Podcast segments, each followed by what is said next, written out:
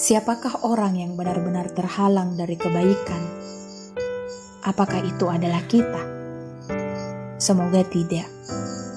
Dan ciri-ciri orang yang terhalang dari ketaatan kepada Allah, yaitu dialah yang tahu kalau waktu sholat duha itu hampir enam jam, tapi tidak bisa sholat meski hanya dua rakaat.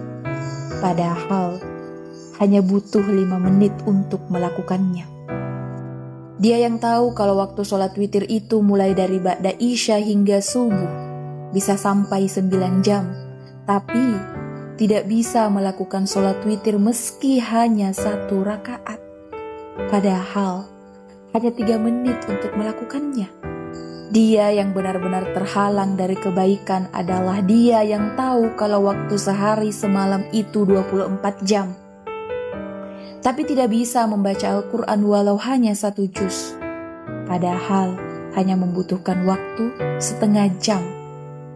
Bahkan meski hanya satu halaman, padahal hanya membutuhkan waktu dua menit. Dia yang terhalang dari kebaikan adalah dia yang tahu kalau lidah itu tidak bertulang dan tidak mudah lelah. Tetapi dia tidak gunakan pikir kepada Allah. Tapi kalau komen tentang orang lain, tentang guru-guru kita, atau bahkan berkomentar tentang tiang listrik, semangatnya luar biasa.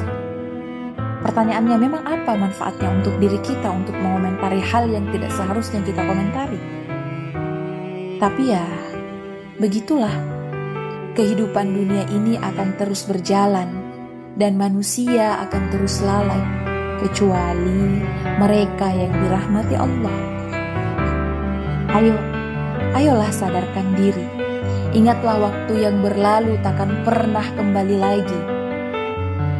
Kita hanya punya kesempatan pada waktu yang tersisa saja dari umur kita. Dunia ini akan kita tinggalkan. Kita hanya singgah. Yang terpenting adalah nasib kita di akhirat. Mari, persiapkan sebaik-baiknya dalam amal.